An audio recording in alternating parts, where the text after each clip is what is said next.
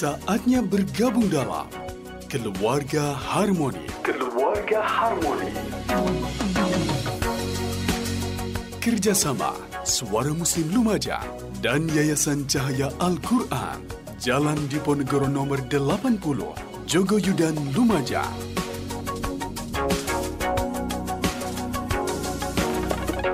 Keluarga Harmoni. Bismillahirrahmanirrahim. Assalamualaikum warahmatullahi wabarakatuh. 89,9 Suara Muslim Lumajang. Mitra Muslim senang sekali saya Kiki Rizkiani Bisa menyapa Anda kembali di program Keluarga Harmoni Setelah saya libur ya kemarin Dan sekarang saya bisa menyapa Anda kembali. Senang banget. Gimana kabar Anda Mitra Muslim semuanya? Sudah pertengahan bulan ya Mitra Muslim. Semoga semangat Anda tetap terjaga nih Apalagi awal pekan seperti ini. Pastinya uh, yang kemarin mungkin baru saja uh, berlibur gitu ya. Jadi masih ada uh, sedikit semangat semangatnya nah mitra muslim sering kali pengasuhan anak ini lekat banget gitu ya dengan sosok ibu di mana tuntutan masyarakat uh, sering gitu ya melihat seorang ibu diharapkan memiliki peran yang lebih dominan dalam mengasuh anak. Sedangkan ayah ini memiliki tuntutan untuk mencari sumber daya uh, cuan gitu ya dan juga menjadi sosok pendisiplin saja di rumah padahal seorang anak ini perlu banget untuk mendapatkan sisi afeksi dari seorang ayah juga untuk mendapatkan perkembangan yang optimal. Nah, seberapa penting sih keterlibatan ayah dalam pengasuhan anak? Selengkapnya nih Mitra Muslim kita akan diskusikan bersama Dr. Alia Hidayati spesialis THT bedah kepala dan leher sekaligus Direktur Yayasan Cahaya Al-Qur'an dalam keluarga harmoni Harmoni. Saya sapa dulu beliau yang sudah hadir di studio Suara Muslim Lumajang. Assalamualaikum. Waalaikumsalam warahmatullahi wabarakatuh. Sehat Bu Dokter. Alhamdulillah. Alhamdulillah. Kita ngebahas tentang ini ya keterlibatan ayah dalam pengasuhan anak. Sayang sekali Pak Haryonya nggak bisa datang untuk hari ini. Absen Bu Dokter. Iya. Jadi susah anu perwakilan ayah ya. Iya benar. Padahal pas banget temanya. Nah, gimana nih Bu Dokter untuk tema kita hari ini? Ya baik, jadi memang uh, betul sekali seperti yang uh, opening sudah disampaikan oleh Mbak Kiki tadi, uh, ayah ke di rumah tangga sekarang ini kesannya ini hanya uh, perannya domestik di dalam rumah itu seperti seolah sudah uh, lengkap diwakili oleh ibu. Nah, itu uh, tidak bisa kita biarkan berlaut-laut karena uh, bagaimanapun pengasuhan langsung pada anak yang tanpa sentuhan ayah bikin sisi maskulinitas anak terutama pada anak laki dan juga pada anak perempuan itu akan hilang istilahnya jadi fatherless nanti akan timbul fenomena uh, father hunger atau daddy thirsty, kelaparan akan ayah atau kehausan ya, kehausan hmm. sosok daddy gitu loh. Nah, itu seperti apa sih? Misalnya nih, anak perempuan zaman now, cantik, pinter ya, kelihatannya uh, nurut sama di rumah itu kelihatan ini, tapi kok uh, ternyata kena sama laki-laki yang bad boy lah, yang nggak karu-karuan apa ternyata setelah diselidiki lebih lanjut atau ditanya lebih lanjut pada anak tersebut karena apa teman laki-lakinya yang dianggap orang tua atau lingkungannya bad boy ini memberikan pengayoman atau perlindungan hmm. pada uh, sisi anak gadis ini yang itu tidak didapatkan dari ayahnya. Nah, ayah ini harus bisa jadi cinta pertamanya anak gadis, anak gadisnya sendiri dan bisa jadi sosok hero bagi anak lakinya. Jangan anak lakinya ini ngambil sosok hero dari Superman yang masih pakai celana dalam aja belum bisa bener ya kan? masih di luar. Atau ngambil sosok hero dari Spider-Man. Nah sosok hero ayah ini harus dimunculkan terutama pada anak laki-laki sehingga dia tangguh ndak kebanci-bancian ya. Mm uh, kena masalah dikit nangis. Mm nggak cocok sama temennya ngambek ya kan dijulitin sama temennya mogok iya nah itu peran ayah harus dimainkan di situ. Ayah tetap harus menyentuh uh, dalam komunikasi, dalam uh, touching apa namanya uh, anak-anak hati anak-anaknya seperti itu. Jangan ayah ini datang ke rumah dalam kondisi meresahkan dan bikin uh, yang di rumah ini galau jangan gitu loh karena uh, ke, kebanyakan ayah itu kan komunikasinya yang kurang bagus ke anak-anak. Mm-hmm. uh, kalau enggak marah-marah enggak semua ayah sih. Tapi ini bukan kita membahas ini untuk menghakimi sosok ayah bukan loh ya. Bukan. Jadi jangan jangan salah paham dulu. Tapi memang sosok ayah di sini uh, ingin kita tampilkan sebagai peran yang harusnya juga dominan dalam pengasuhan anak itu intinya. Hmm. Jadi bukan kita nyalain, oh jadi aku ka salah kayak gini gara-gara ayah enggak begitu juga. Kita ambil hikmahnya supaya kita mengasuh ke anak-anak kita sekarang yang sudah punya anak atau yang akan uh, melangsungkan rumah tangga itu jadi benar gitu loh. Sehingga kita akan menghasilkan generasi yang kuat berkualitas. Hmm. gitu. Biasanya peran ayah yang seperti apa yang uh, baik untuk anak? Nah, uh, terutama ayah ini harus dengan segala karakter maskulinnya ya, hmm. yaitu juga harus bisa memberikan keputusan yang tepat, ketegasan. Bukan berarti sekedar ayahnya ini bisa nyapu, ngepel, cuci piring, masak, enggak sekedar itu. Itu mah enggak laki, enggak perempuan, itu kerjaan yang harusnya semua bisa mengerjakan itu bukan pekerjaan yang apa ya uh, lebih ke gender. Nah, kalau ke gender mungkin hamil menyusui gitu ya. Mm-hmm. Tapi kalau yang itu enggak lah. Semua harus semua bisa. Semua harus bisa ya. Harus bisa lah. Tapi kalau memang yang angkat-angkat berat mungkin ya LPG 13 kilo ya iyalah ya. susah itu atau uh, galon 19 kilo iyalah itu ayah oke okay lah gak apa-apa itu atau naik ke genteng apa zaman sekarang kan juga udah nggak ini juga banyak para ayah yang nggak betulin genteng sendiri juga lampu-lampu listrik juga nggak betulin sendiri juga kayak gitu jadi intinya itu lebih ke pengasuhan dalam arti mendidik karakter anak, membina akhlak anak dan membersamai mereka sampai akhir hayat. Itu tugas parents ya. Parents ini ada mom and daddy ya, nggak cuma mom saja nggak Apalagi memang usia anak-anak ini dari 0 sampai 2 tahun cenderung dominan pengasuhan ibunya. 2 sampai 7 tahun dominan pengasuhan dari uh, kelompok bermain atau masuk PAUD sampai SD kelas 1 2 itu guru, bu guru semua atau ustazah semua ya pokoknya intinya guru-guru perempuan. Sehingga sosok fatherless ini tambah tambah, tambah. dominan hmm. gitu loh Uh, makanya ayah yang di rumah ini harus sangat-sangat berperan menyapa ya, menanyakan apa namanya ada permasalahan apa apa membersamailah. Nah ayah harus bisa jadi partner diskusi yang enak, yang asik lah. Tidak cuma HP aja, disenggol dikit udah respon ya kan. Hmm. Nah ayah harusnya juga harus lebih responsif daripada HP. Tahu lah muka anak ini lagi senang atau lagi susah. Soalnya juga zaman sekarang ini HP ini sama orang tua dianggap sebagai shut up games. Supaya anak diem tutup mulut nggak ya, ngeringik nggak nengek nggak ya. nangis. Nah, mau eh, ini pin pin pin pin. Oh, iya iya benar benar.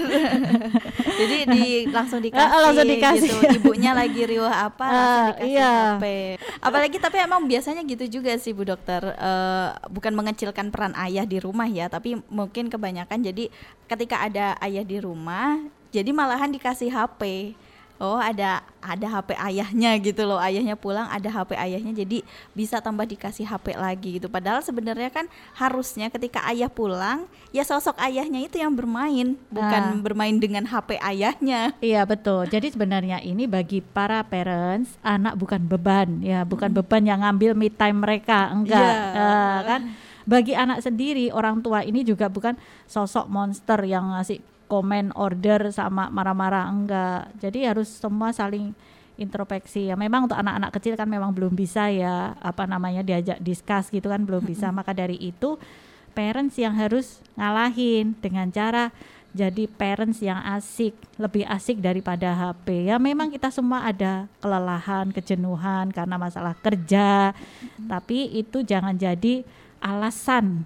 Ya karena bagaimanapun katanya investasi terbaik di anak eh tambah HP sayang-sayang ke mana-mana di anaknya iya daripada anaknya iya Nah, bukan terus nanti coba iya HP bisa disakuin anak kan enggak gitu juga. Nah, jadi kalau ketemu anak uh, bikin komunikasi terbaik ya, entah uh, bercerita, kan enggak harus melulu nasehatin. Anak juga iya. jutek kalau langsung iya, dinasehatin iya, ya. oh ya kayak tua-tua oh gitu, gitu. ya memang ketemu tua. ketemu ayahnya dinasehatin, Iya. ketemu ibunya dinasehatin. iya terutama saat anak-anak lagi sedih kan kalau anak-anak kecil bahasanya kan memang lebih cenderung nangis ya kalau dia lagi sedih kita sodorin HP akhirnya dia akan berpikir ke apa namanya eh, persepsinya ini akan blur dalam pikirannya disadari maupun tidak dia akan berpikir bahwa HP adalah segala solusi nah, Ah, iya benar ah, Bu Dokter. ah, bukan discuss dengan orang tua.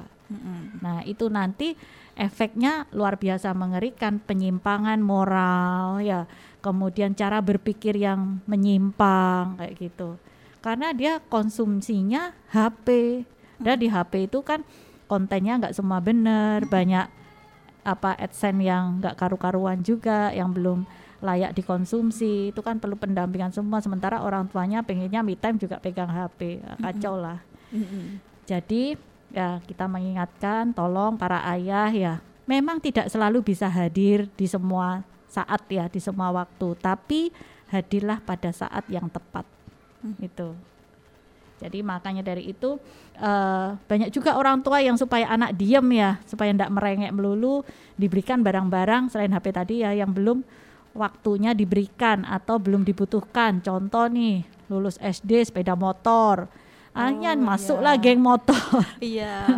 jadi karu-karuan kan atau eh, jadi balap liar dan sebagainya atau eh, belum waktunya minta mobil kasih mobil nah eh, harus dilihat apa namanya kebutuhannya keperluannya atau barang-barang yang nggak perlu nggak perlu tapi lagi apa viral mungkin eh, apa namanya gimmick-gimmicknya K-pop K-pop atau apa kan sebenarnya juga karena itu untuk pergaulan ya. Kalau memang tidak perlu uh, less benefit ya sebaiknya diberikan pengertian ke anak nggak main asal oh nggak boleh sembarang nggak boleh nggak boleh itu kan juga nggak asik. Intinya memang harus terjalin komunikasi apalagi untuk anak perempuan ya kedekatan emosi dengan anak apa dengan ayah ini membuat anak perempuan tidak gampang terlena dengan bualan rayuan di luar sana yang mengerikan gitu loh. Karena eh, apa namanya tetap akan beranggapan lu nggak sekeren bapak gue Oh iya. itu Karena kan. ada sosok di rumah yang lebih membuat dia itu nyaman ya. Jadi dia Betul. nggak perlu nyari kenyamanan di luar. Betul, itu yang yang kita juga prihatin ya. Banyak remaja putri yang gampang banget ya menyerahkan segala-galanya. Nah, itu kan kita juga prihatin. Banyak remaja putra eh, demi meraih eksistensi juga menyerahkan segala-galanya bahkan nyawanya dengan ikutan balap liar dan lain Iya. biar itu dapat eh, penghormatan dari luar. Karena dia juga tidak mendapatkannya di, Di rumah. dalam ya di rumah. Dan anak-anak ini mau eh, putri maupun putra sejak kecil kalau mereka melakukan penyimpangan-penyimpangan harusnya parentsnya atau baik ayah maupun ibu harus menegur. Jangan dengan alasan ah nggak apa-apa masih kecil. Nah keliru tuh. Ini kalimat yang nggak boleh. Ya jangan eh, kadang-kadang anak-anak ini kan keterlaluan juga. Mungkin ngambil HP tanpa izin tuh harus ditertibkan jangan semua dimaklumin. Pakai baju nggak bener dimaklumin. Oh masih kecil kok lucu kok jangan. Iya. atau dia nggak ngerjain tugas ya karena lupa atau kecapean atau atau alasan lain kecuali sakit ya dimaafkan. Jangan tetap ditegur supaya dia paham ini salah jangan diulang. Kalau dibiarkan dengan alasan pemakluman karena masih kecil dia akan berlarut-larut sehingga nanti gedenya jadi kriminal. Iya Karena kan? banyak nggak papanya. Iya, karena nggak apa-apanya. Dan si anak akan menyalahkan orang tuanya karena dari kecil saat dia melakukan penyimpangan awal, kenapa kok nggak dibenerin? Jadi dia tetap merasa nggak salah walaupun mungkin nanti bisa kena eh, apa namanya pidana atau perdata ada masalah-masalah seperti itu di kemudian hari anak naudzubillah ya. Tapi kalau sampai jadi seperti itu dia tetap merasa tidak bersalah. Saya melakukan seperti ini karena ayah saya tidak pernah menegur saya, ibu saya tidak pernah memperingatkan saya kalau itu keliru. Itu. Itu yang bahaya ya Betul, bahaya sebenarnya. sekali. Jadi banyak sekali dampaknya sebenarnya, tapi mungkin dampaknya apa lagi nanti kita akan bahas lebih lanjut ya Bu Dokter ya. Kita istirahat dulu. Saya juga masih menunggu gabungan Anda di 0811 3400 899.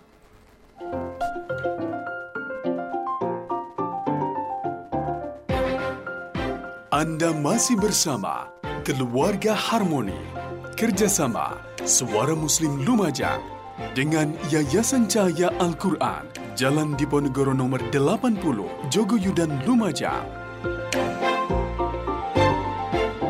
Keluarga Harmoni segera kembali. Masih di Keluarga Harmoni bersama saya Kiki Rizkyani dan juga Dr. Alia Hidayati. Mitra Muslim tadi kita sudah sedikit membahas ya uh, tentang peran ayah gitu. Ada juga beberapa dampaknya juga. Tapi di sini biasanya nih Bu Dokter karena lelahnya dalam bekerja di luar rumah, jadi sering banget uh, ayah ini beralibi lelah capek. Jadi kalau udah sampai rumah ya dia pengennya tuh istirahat gitu. Gimana nih untuk menyadarkan para ayah? iya, jadi uh, para ayah ini ya sadarilah pengennya hidup sekarang aja atau abadi nih kan gitu hmm. gitu mikirnya. Nah, ntar dipikir lagi abadinya pengen kayak apa nih? Abadi yang menyenangkan atau susah seperti sekarang gitu loh. Nah, tentu kalau menyenangkan tidak ada yang tanpa kerja keras. Nah, maka bekerja keras dari sekarang supaya entar hidupnya abadi menyenangkan. Apa yang bikin supaya kita bisa abadi salah satunya adalah anak soleh yang yeah. akan jadi jariah kita semua kelak maka nggak bisa lah kita menyulap anak kita dalam sedetik sehari sebulan setahun mendadak jadi solih gitu. Hmm. apalagi kalau kita serahkan pengasuhan kita pada orang lain dan kita tidak sepenuhnya ikut ya ikut apa namanya membentuknya. ikut andil, he -he, ikut andil. menarik sekali sebenarnya ya peran para ayah ini. Maka ayah yang sudah kelelahan ini sebenarnya dari dari awal anak ini hadir mungkin masih dalam uh, kehamilan istrinya itu harus support ya memperlakukan istri dengan baik selalu apa ya, ikut apa uh, ngajak ke pengajian atau uh, di rumah juga rajin di stelin murotal kalau mm -hmm. ayahnya sibuk banget nggak sempat ngaji kayak gitu ya Nah, sehingga anak pun sudah terbiasa dengan perlakuan ayah walaupun tidak melihat atau menyentuh secara langsung itu hubungan batin ini penting banget ya. Jadi kalau anak ada apa-apa ayah atau apa ada apa-apa itu saling kontak nih batin ini. Enggak ayahnya entahlah anaknya entahlah ya sama iya. yang susah itu kayak iya sekali lagi hubungan ayah dan anak atau parent dan anak ini bukan hubungan transaksional satu pencari nafkah, satu penerima. Satunya pemberi ya, pemberi nafkah, satunya penerima. Enggak begitu. Uh, ini useless nih, udah nggak bisa memberi nafkah, aku cari pemberi nafkah enggak gitu juga, gitu loh. Nah, maka dari itu uh, sejak kalau ayah menyadari sejak dini sehingga dia akan melakukan langkah-langkah pengamanan supaya yang dianggap investasi terbaik lah, harta terbaik lah memang benar-benar diperlakukan terbaik. Bukan di lisan aja, tapi kenyataannya nggak karu-karuan. Nah, uh, hal ini penting sekali ya dari ayahnya nggak ngapa-ngapain aja, tapi di rumah itu sosoknya hadir dalam arti uh, apa namanya bisa memberikan contoh teladan, rutin ke masjid, sholat lima waktunya tertib, uh, kesehariannya juga apa uh, ngaji yang tertib, makan, ngajarin itu anak udah ngeliat loh tanpa ayah berkata-kata kan itu sebenarnya uh, ayahnya makan, selesai makan juga diringkesi, dicuci, meja kursi dibalikin rapi. Nah itu an anak melihat itu ayah kan nggak usah ngomong-ngomong kan. Sebenarnya banyak hal yang apa namanya kita ngelakuin sederhana aja nggak perlu ngomong anak udah ngeliat itu udah jadi teladan asal itu dikerjakan dengan kontinu ayahnya mungkin uh, hobi berkebun atau pelihara binatang atau mengerjakan uh, ngutak-ngutik sepeda motor hmm. atau mobil atau yang lain atau rajin uh, nyuci apa atau mengerjakan hobi yang lain itu anak belajar hmm. nah dengan anak uh, tambah besar keingintahuannya tambah besar akhirnya komunikasi secara tidak langsung akan terjalin. Nah, kan tergantung nanti gimana ayah merespon kan gitu. Jadi jangan tanya sudah makan, sudah belajar gitu kan bosan ya. Jadi dengan ayah itu melakukan sesuatu di rumah dengan secara kontinu itu juga ternyata bisa diperhatikan oleh anak ya Bu Dokter iya, ya. sederhana kan. Mm -mm. Habis mandi eh, ya Naruh anduk yang lah. bener juga. oh ngomong itu nggak enak iya depan kamar mandi ada keset itu diinjek supaya basahnya nggak ke mana-mana jangan diloncatin Iya. Biasanya basah ke mana-mana, Iya. anduk di mana-mana. Iya, karena diloncatin. Nah, itu bukan bukan untuk olahraga ya loncat bukan. Bukan loncat indah. Iya, maka dari itu anak udah ngeliat gitu loh. Oh, ayahku ini tertib, disiplin. Nah, makanya itu juga apa eh, kita pengen anak kita keren ya di masa depan, jadi leader yang hebat dan sebagainya sebagainya ya. Intinya kita semua orang tua mesti ingin anaknya sukses dunia akhirat lah. Nah, tapi kitanya males nyontohin aja Benar. males. Kan nggak banget. Hmm. Biasakan kalau makan juga rapi, tertib dalam arti ngambil seberapa habisin rapi gitu loh. Jangan eh, makan cuma sedikit, nggak cocok geletekin geletekin nanti anak juga nggak akan menghargai makanan itu gitu loh. Padahal tinggal makan aja. Perkara rasa kan bisa dikompromikan ya. Iya. itu rasa belakangan. yang te- yang penting tertib dulu di meja makan gitu ya. Iya, tertib dulu lah. Dan orang tua juga nggak boleh nyontohin di meja makan tuh mungkin megang HP atau apa gitu. Iya, Kadang kecuali itu yang suka terlewat juga sih. Betul, kecuali izin ya, eh, ada konsulan seumpama itu, ada yang ini ada emergency ini, ada keluarga eh, apa lagi sakit atau apa bilang ini lagi ada ini eyang atau Pak D lagi kok ini masuk rumah sakit atau apa kayak gitu, oke lah, itu anak akan paham. Eh, sebentar ayah ngomong, ayah, ayah jangan ganggu dulu ya, ini lagi transfer ini ini gitu, oke anak akan paham kok. Hmm. Asal ngomong, pelit banget ngomong sih, padahal nggak bayar lo ya. Iya benar. Kadang suka susah, apalagi kalau misalkan ayahnya ini tipe-tipe yang pendiam. Jadi jarang ngomong gitu. Emang agak susah Bu Dokter. eh pendiam pun sebenarnya juga bukan jadi alasan ya untuk tidak bisa berkomunikasi dengan anak. Karena zaman sekarang komunikasi itu eh, bisa dengan bermacam media, bermacam cara. Dan tidak perlu juga kita dituntut untuk paham berbagai macam bahasa asing. Tapi yang paling penting kita harus paham satu bahasa yang paling penting bahasa kalbu Yaitu hati ke hati. Nah, ya. Oke, jadi sebenarnya mitra muslim tadi yang sudah disampaikan Bu Dokter eh, nggak usah susah-susah deh untuk eh, mendidik anak tuh harus yang tertata, harus yang bagaimana. Kita melakukan aktivitas di rumah aja itu anak itu sudah memperhatikan kok. Jadi kalau misalkan eh, Anda mungkin beralibi lelah gitu, nah lakukan pekerjaan-pekerjaan atau hal-hal kecil di rumah secara kontinu ya Bu Dokter ya. Iya. Itu tadi. Jadi nggak ada alasan lelah gitu. Jadi ma- mandi anduknya disimpan lagi. Jadi anak tahu oh iya nggak ada tuh anduk geletakan gitu. Heeh, ataupun kalau lelah bisa ayah bilang maaf ya dek kak ayah lelah. Boleh dong pijitin atau boleh dong kasih tugas.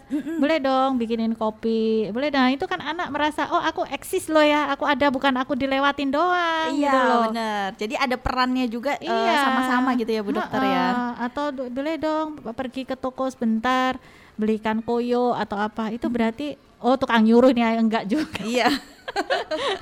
Nggak cuma eh, biar tahu ada sosok anak di rumah yang bisa diajak komunikasi itu tadi ya Bu Dokter ya? Iya jadi anak juga merasa berharga. Oh ayah ini nyata butuh aku ya gitu loh. iya benar. Itu penting loh ya perasaan butuh dibutuhkan itu penting sekali sehingga anak itu merasa eh, tanpa aku tuh ternyata ayah juga nggak bisa gitu loh oh iya Heeh. Ini yang kadang suka terlewatkan Bu Dokter. Jadi Iya. kayak misalkan di rumah ada anak ya udahlah anak diemin aja gitu. Oh, anteng gitu. Padahal sebenarnya anteng kan bisa kita eh, sur bukan bukan bermasuk nyuruh-nyuruh terus sih ya, Heeh. tapi kita tahu bahwa ada anak nih mungkin bisa dikasih tugas seperti itu. Iya, Ya. tugas sederhana-sederhana walaupun mungkin masih kecil pijetannya nggak ini, tapi kan eh, beda loh ya para ayah ya.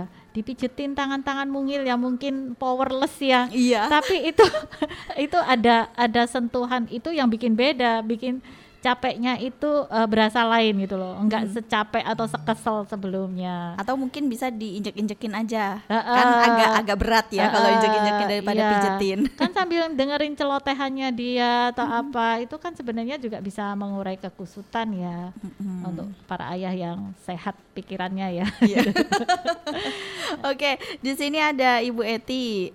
Bagaimana eh, memberi pencerahan pada sosok suami agar mau bekerja sama dalam hal pengasuhan atau pekerjaan rumah tangga. Nah, Ini pekerjaan. rumah iya. Eh, Bu Eti mungkin ini ya eh, sering bikin sleep talk ya bahasanya. tangga. Kayak apa itu, Bu? Iya, sleep talk itu ya eh kita conversation biasanya mungkin eh di atas tempat tidur ya sudah kita udah rehat semua, selesai semua urusan. Ngobrol deh, bukan dirty talk loh ya lain Iya, ini. bukan bukan. Ini sleep talk. Iya, sleep talk tuh ya ngobrolin eh, maunya gimana sih? Apa sih yang yang kita inginkan dalam hidup ini ke depannya nih? Ayah pengennya bagaimana? Ya kita tahulah kehidupan sekarang ini eh, posisi ayah penghasilan berapa. Kita kan enggak enggak sekedar mikir penghasilan karena itu enggak ada endingnya ya kalau ngomongin itu. Nah, tapi yang tadi sudah saya bahas di depan, ayah pengen nggak nanti kita udah nggak ada nih, kan kita umur juga terbatas, tapi pahala kita ngalir melulu, ya ibarat MLM tuh loh, passive income, ya. Eh, iya. Ini pahala, ini ya pasif pahala ya. Nah, itu gimana caranya ya? Ya makanya kita bersepakat mendidik anak juga bukan karena kita bagi tugas, kamu udah capek kerja di luar, sementara eh, di rumah kok masih suruh ikut? Enggak. Pekerjaan di rumah ini tanpa reward tanpa jenjang karir dan tidak ada endingnya. Benar. Dari pagi ke pagi. nah maka dari itu harus apa saling memahami. Nah supaya juga ayah ini waktu bantu kerja di rumah supaya kelihatan keren gitu loh ya. Nah si ibu juga harus eh, bahasanya gimana gitu supaya ayah bisa accepted ya dengan eh, kalimat yang diucapkan oleh ibu. Ini kan sebenarnya pe- permohonan untuk membantu di rumah kan ya. Cuman eh, jangan langsung "Oh, ayo bantuin nyapu-nyapu kek apa jemur-jemur apa. Itu kan ndak enak banget kan. Pakailah bahasa-bahasa yang kelihatannya eh, bikin ayah ini tambah kayak hero banget gitu loh. Itu kan laki-laki biasanya suka ya. Senang. Heeh. Daripada disuruh. Ya, eh, eh, cuma, ayah keren loh kalau gini ya. Kalau apa itu namanya nyuci ini kan anak bisa ikut main air, ya kan, bisa ikut sambil apa namanya. Oh ternyata nyuci jemur itu mau laki mau perempuan B aja tuh gitu loh. itu terus habis makan rapi kan keren kayak orang-orang modern itu loh ya. Ya kalau makan rapi uh, piring nggak berantakan, sampah bekas makan juga masuk tempat sampah semua. Nah, walaupun mungkin apa itu namanya uh, bukan karakternya si ayah, nah tapi kalau itu dibiasakan bisa kok, bisa jadi rapi tertib gitu loh.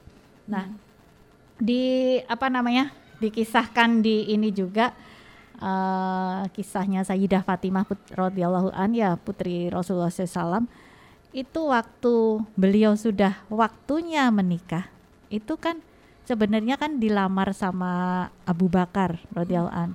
Abu Bakar kurang apa? Iya sih usianya setara dengan ayahnya, beda tiga tahunan dengan baginda Nabi.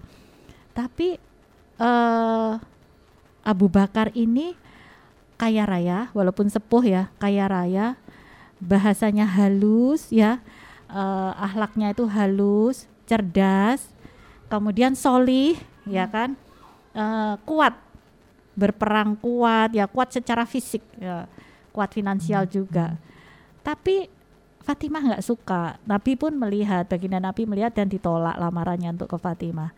Kemudian datanglah orang kedua yang mau melamar Fatimah, yaitu Umar radhiyallahu an. Nah itu kurang apa juga sama kayaknya juga, solih iya, kuat ya, kuat otaknya, kuat fisiknya, Nah, kemudian cakap mengelola semua urusan. Nah, pokoknya termasuk keren kan, walaupun usianya lebih muda dari Abu Bakar. Tadi kan sepuh nih. Nah, ini kan mungkin agak-agak bad boy lah ya. gitu. kan anak sekarang kan kadang ada yang seleranya agak-agak bad boy. Itu. Tapi Sayyidah Fatimah juga menolaknya, ngelamar. Kemudian Pak eh, datanglah ini Ali ya, ponakannya baginda Nabi ya. Eh, jadi kan masih keluarga dengan Fatimah radhiyallahu an. Nah, Ali ini eh secara perawaan apa namanya ganteng juga. Tapi kan Abu Bakar Umar kan juga apa keren juga kan. Tapi Ali ini juga keren, ganteng. Secara finansial kurang ya tapi cerdas uh, secara fisik kuat, cerdas otaknya juga, tapi miskin. Zaman sekarang kan miskin tuh kayaknya nomor satu ya untuk disingkirkan. iya benar. tapi ternyata ini yang dipilih bukan masalah muda tua ya. Zaman sekarang kan muda tua nggak pilihan lagi kan. Mm -hmm. Nah pokoknya begitu uh, kayak masuk, bah, udah dipilih. Yang ini, penting isi rekening. Ah, ini enggak. Ternyata Sayyidah Fatimah lebih memilih Ali radhiyallahu an itu untuk jadi calon suaminya. Selidik punya selidik, kenapa sih yang dipilih kok yang miskin, yang hmm. tadi juga solihnya ndak ndak apa namanya ndak kurang, jaminan surga juga, hmm. kok nggak dipilih lebih kaya, lebih terhormat, ya status segala udah punya. Ternyata jawabannya Fatimah simple. Dia paling mirip dengan ayahku. Oh ya. Nah, memang dari keluarganya baginda Nabi yang paling mirip dengan baginda Nabi ya Ali bin Abi Thalib ini. Hmm. Maka kalau sosok ayah melekat pada diri anak, eh uh, kalau nggak sekeren bapak gue nggak bisa nih masuk. Iya, iya, benar. Jadi akhirnya itu nggak takut kehilangan apa pun, nggak takut diancam apa pun gitu, dan nggak nyari kasih sayang di luar kasih sayang bapaknya gitu loh. Jadi insya Allah tuh nggak akan jadi perilaku yang menyimpang macam sekarang LGBT hmm. dan lain-lain itu ya pada anak laki-laki pun kalau dia sampai menyimpang ke arah LGBT itu biasanya hubungannya dengan ayah nggak baik. Hmm, karena memang dia tidak menemukan sosok ayah Betul. di situ. Mungkin dia benci dengan sosok ayahnya. Hmm. Mungkin dia juga nggak ada sosok ayahnya atau uh, mungkin sosok ayahnya memang apa namanya uh, disappear. Mungkin ayah hadir tapi terasa yatim gitu loh.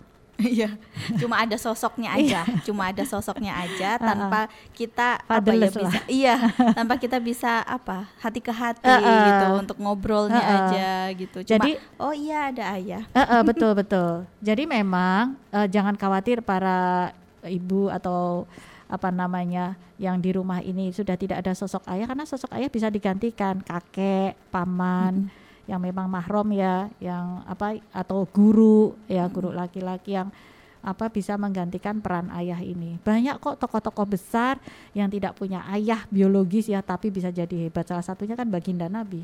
Hmm, iya benar. Gitu. Sudah dari bayi. Iya. Mm-hmm. Nah, maka dari itu jangan jadi alasan oh kan enggak ada. Oh enggak. Enggak bisa jadi alasan. Oke, Oke, nanti kita lanjut lagi ya Bu Dokter ya. Yeah. Kita ke jeda terlebih dahulu tetaplah di keluarga harmoni. Anda masih bersama Keluarga Harmoni.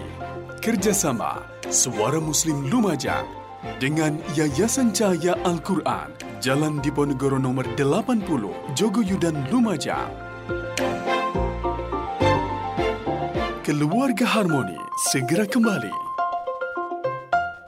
Kembali lagi Mitra Muslim di Keluarga Harmoni dan kita masih membahas tentang keterlibatan ayah dalam pengasuhan anak. Jadi ini memang bukan uh, apa ya mengecilkan peran ayah di rumah, tapi justru malahan uh, lebih meningkatkan semangat para ayah nih untuk uh, ikut terlibat dalam pengasuhan anak. Nah, Bu Dokter, uh, apakah anak laki-laki ini harus banyak bermain dengan uh, ayah? Supaya tidak kemayu. Iya, baik. Jadi uh, sebenarnya seperti yang tadi sudah kita ulas di depan, sosok maskulin ini pada anak laki-laki sangat penting ya supaya uh, apa namanya tadi nggak jatuh ke banci-bancian ya. Mm -hmm. Mungkin nggak sampai tulang lunak, mungkin nggak sampai perilaku yang menyimpang, tapi ya itu lembek banget itu mm -hmm. ya. Jadi kita juga nyuruh tuh kayak nggak tega itu loh kayak ini ada tulangnya ada ototnya apa enggak gitu ya. malesan anaknya ya jadi memang uh, ayah ini jangan sampai uh, nomor satu cuek pada anak hmm. hanya aku kan udah selesai tugasku ngasih uang uang uang atau ngasih apa namanya kendaraan ngasih sudah selesai ngasih rumah. Kan udah selesai udah tak bayarin sekolah pak. Uh, tugasnya masih banyak bapak. Ya udah cukup bukan cuma itu aja iya. bukan cuma materi. Uh, uh, itu sebagian kecil dari tumpuk tugas yang harus diselesaikan. Maka dari itu ya ini uh, sering terlibat. Mungkin uh, anak diajak terlibat dalam hobi atau pekerjaan si ayah sesekali lah. Ke kantor. Ngapain si ayah itu kantor itu? Atau hmm uh, ayah ikut terlibat dalam hobi kan? Jadi tahu lah anaknya tuh ngapain sih? Ya komunitasnya seperti apa? Jadi saling saling bisa menoleransi gitu loh.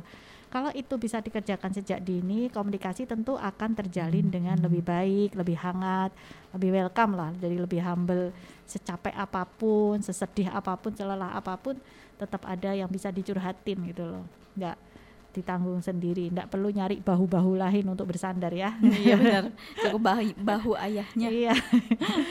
itu uh, yang berikutnya juga uh, apa namanya anak ini dikasih eh, hal-hal uh, yang cocok untuk potensi dan passionnya anak misal dia senangnya ngutak-ngutik mesin itu janganlah dia nu nanti nyetrum lo nanti begini ada nanti keliru ini itu mahal loh. Jangan langsung tiba-tiba digituin. Ya diikutin aja dulu. Seberapa sih passionnya ini beneran dia berbakat atau hanya lagi mudi aja mm-hmm. gitu kan? Nah itu uh, para orang tua mau anak perempuan atau anak laki-laki itu harusnya kan diikutin ya jangan langsung dilepas oh lagi ini kok sudah pinter banget pegang mesin apa udah langsung dibeliin yang mahal-mahal padahal kan juga belum, belum tentu. tentu iya mungkin karena lagi viral lagi tren ya hmm. lagi diomong-omongin temennya jadi dia ngerasa kudet nanti kalau nggak ikutan yeah. itu ya kan itu bisa aja uh, kemudian juga sering uh, diajak ngobrol dilibatkan dalam diskusi ya mungkin ada teman kantor datang apa ya itu mungkin temanya bisa anak masuk diajaklah anak ikutan ngobrol. Itu anak merasa terhormat kok aku satu level ya dengan teman kantor ayahku? gitu. Perasaannya doang. Iya. Itu penting sehingga anak merasa uh, apa namanya uh, aku bangga jadi anaknya ayah.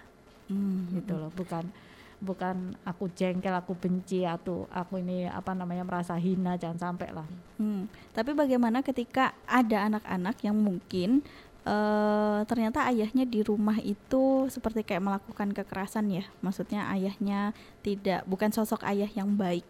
Itu bagaimana untuk kondisi anaknya ke depan masa depannya mereka? Ya ini apa namanya psikologi apa trauma healing mesti lah harus segera secepat mungkin kita kerjakan. Nah untuk ayah-ayah yang seperti itu yang uh, toksik ya, mm -mm. nah ini anak harus segera kita alihkan ke pengasuhan dalam arti nggak pindah rumah juga mm -hmm. gitu ke pengasuhan orang yang uh, bisa menjadi mentor atau pembimbingnya mungkin guru ngajinya mungkin ustadznya di sekolah, mungkin om Pak D-nya kayak gitu. Yang rutin diajak untuk berkomunikasi. Komunikasi bisa sekedar menyapa atau menyalurkan ke apa namanya ikut seumpama daripada di rumah ngelihat itu diikutkanlah ke karate atau taekwondo atau apalah atau ikut uh, apa klub futsal atau apa seperti itu sehingga meminimalkan anak ini uh, terkontaminasi ya seperti mm -hmm. itu. Dan ayahnya sendiri kan harus ada terapi untuk itu kan. Mm -hmm. kenapa kok bisa melakukan kekerasan di rumah tangga? Apakah ada sebabnya? Atau memang ayahnya ini dulunya apa namanya hasil pengasuhan zaman kecil yang buruk juga atau bagaimana? Nah itu kan harus diterapi semua. Hmm. atau memang ada orang lain yang menyebabkan perilaku ayah demikian. Hmm, oke. Okay, jadi anaknya jangan terlalu banyak di rumah juga ya. Maksudnya diambil uh, bukan diambil alih maksudnya uh, mungkin dibanyakin kegiatan yang positif di luar yeah, rumah. di luar rumah atau mungkin uh, gimana caranya mungkin dia diikutkan di apa uh, rutin di TPK atau hmm. apa itu. Intinya pinter-pinternya keluarga yang lain untuk membackup. Hmm. itulah yang dinamakan peduli ya. Peduli itu nggak harus uh, apa namanya satu suara tapi sepakat untuk hal-hal yang memang kita sepakati bersama. Berbeda pendapat boleh dong ya kan? Mm -mm. karena rasa itu nggak bisa dipaksain ya. Iya.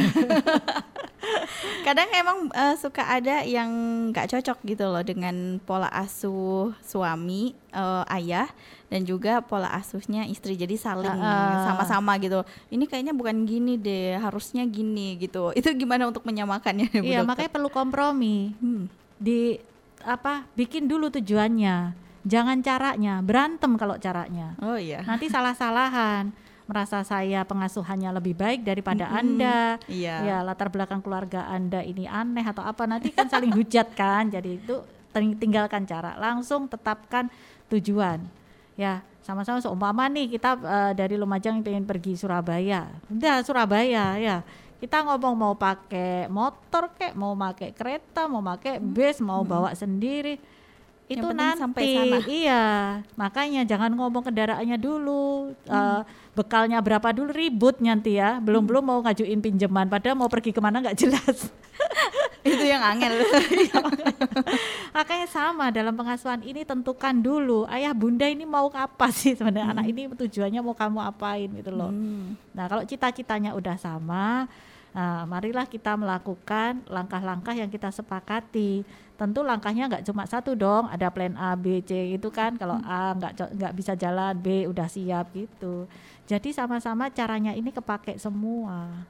Hmm, Gitu. Jadi misalkan kalau anak eh, kita pengennya anaknya menjadi hafiz. Hmm. Nah, jadi eh, kita tinggal pilih aja rundingin mau di sekolah di mana Ha-ha. gitu ya. Tinggal support sistemnya bagaimana gitu loh. Hmm, Di rumahnya harus seperti apa kita sebagai orang tua. Jangan anaknya pengen jadi hafiz tapi orang tuanya nggak ngapa-ngapain di rumah. Iya, nyetelnya tiap hari yang Yang lagi hits. Bukan di murotal. Itu yang agak susah memang.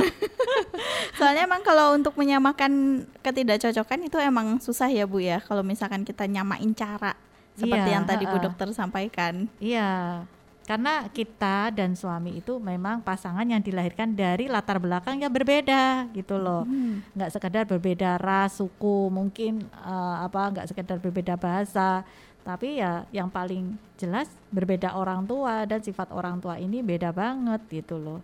Antar keluarga satu dengan keluarga yang lain. Wong antar dalam satu keluarga aja ayah dan ibu ini kan sifatnya beda. Sudah beda. Ha-ha. Oke, pasti kan kita ngelihatnya, iya soalnya kan sama mbah mbah yang ini diajarinnya kayak gini gitu. Jadi Nah, akhirnya ayahnya seperti ini ya, dan Iya, iya, berarti ada- kita harus tetap menentukan tujuannya dulu. Betul. Terus itu juga apa akhirnya menggerogoti ya. eh, maksudnya bikin kita burn out lah. Kayaknya kita udah habis-habisan kok begini sih hasilnya Mm-mm. gitu. Hanya kita eh, enggak ikhlas ya kayak us capek akhirnya gampang reaktif ya itu kena apa sedikit omongan sedikit kita udah responnya berlebihan.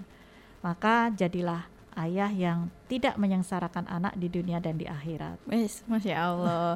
Jadi memang peran ayah ini pun juga eh, utama gitu ya, Bu Dokter Iya. ya, di dalam keluarga.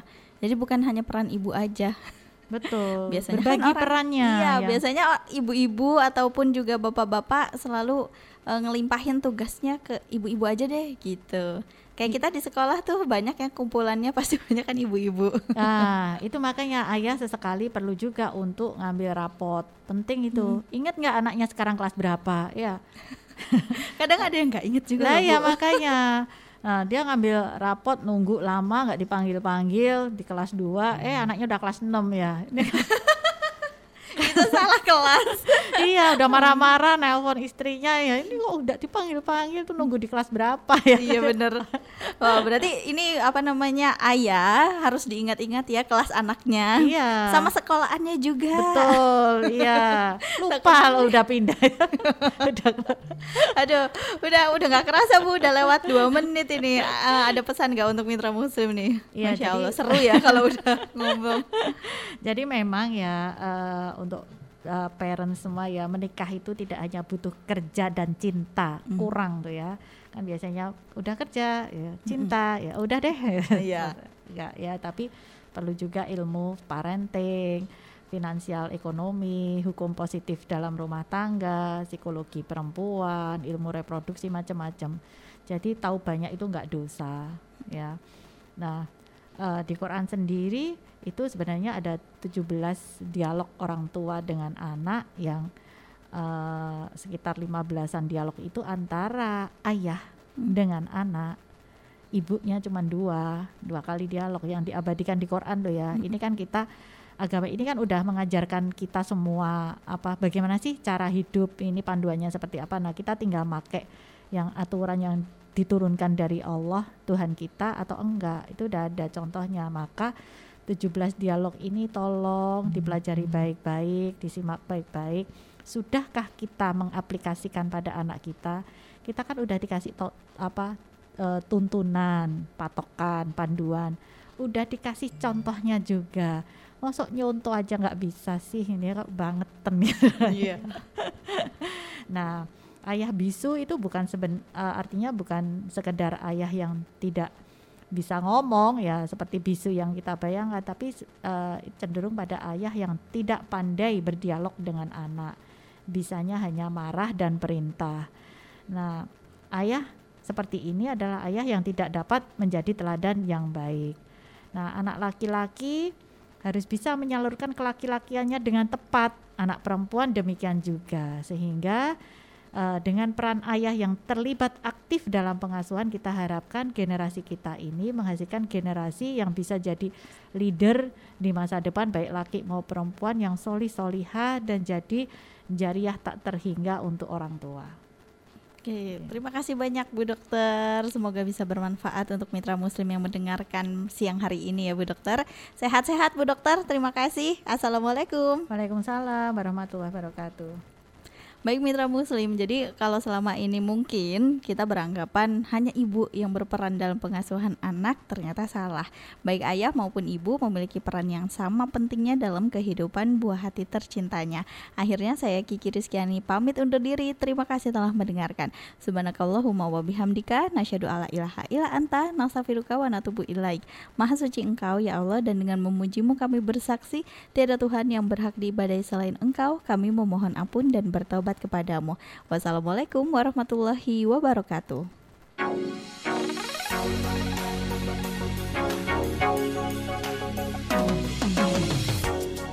Anda telah bersama Keluarga Harmoni. Keluarga Harmoni. Kerjasama Suara Muslim Lumajang bersama Yayasan Cahaya Al-Quran. Jalan Diponegoro nomor 80 Jogoyudan Lumajang. Terima kasih Anda telah mendengarkan. Sampai jumpa pekan mendatang.